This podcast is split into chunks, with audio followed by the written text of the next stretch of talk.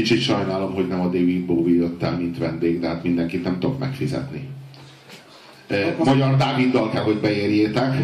Az a baj, hogy nem értük el már Bowie-t, a telefonja kicsenben nem veszi fel. E, igazából a, a herceg búcsúztatására nem gyűltünk össze valami sokan, de hát az, az esős nap, az, a, az, a, az az este, ami odakint van, ahogyan csöpög az eső vigasztalanul, annyira, meg, meg egyáltalán ez, ez, a, ez az este, ez, ez, ez a David Bowie-nak szánt este.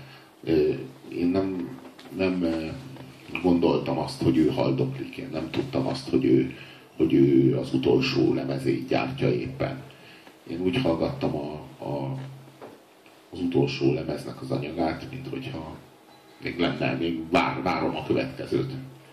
És, és aztán így, izé, aztán így kiderült, hogy ez az egész ez, ez már búcsúzóul készült, és aztán meg kiderült az, hogy mégsem búcsúzóul készült, hiszen második részt is tervezett, ami pedig nem arra utal, hogy, hogy búcsúzott.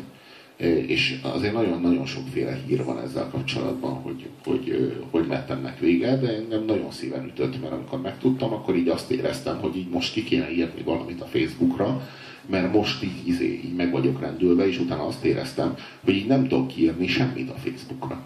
Semmit, semmit nem tudok kiírni. Így, ö, szóval így láttam, hogy így mindenki vadásza a lájkokat azzal, hogy milyen meghalt David Bowie de nekem egyszerűen így túl sokat jelent annál David, hogy sok, túl sokat jelent ahhoz David Bowie, hogy, hogy, hogy bírjak írni erről egy nekrológot. Nem tudok nekrológot írni, nem, nem is tudtam nekrológot írni a David Bowie-ról, semmit, mert, mert, mert túl, túl, túl, túl sok, és azért, azért gondoltam arra, hogy rendezni kell mindenképpen egy special eventet, mert a David Bowie-val kapcsolatban mindaz, amit érzek, meg gondolok, meg mindaz, amit most gyászolunk, és amit most el kell engedni, az, az meg persze megőrizni, az, az túl sok, túl sok, túl sok ahhoz, és egy egész estét kíván, és ezért vagyunk most itt. Én meg teljesen mást éreztem, amikor megtudtam, hogy meghalt.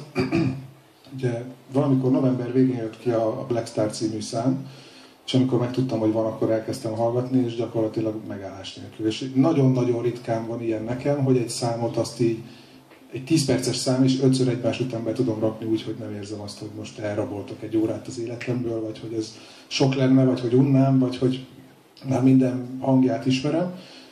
És amikor meg megtudtam, hogy meghalt, ugye két nappal a születésnapja után, akkor így azt éreztem, hogy jó, de itt van nekem a Black Star, és én ezt hallgathatom örökké és ebben benne van minden.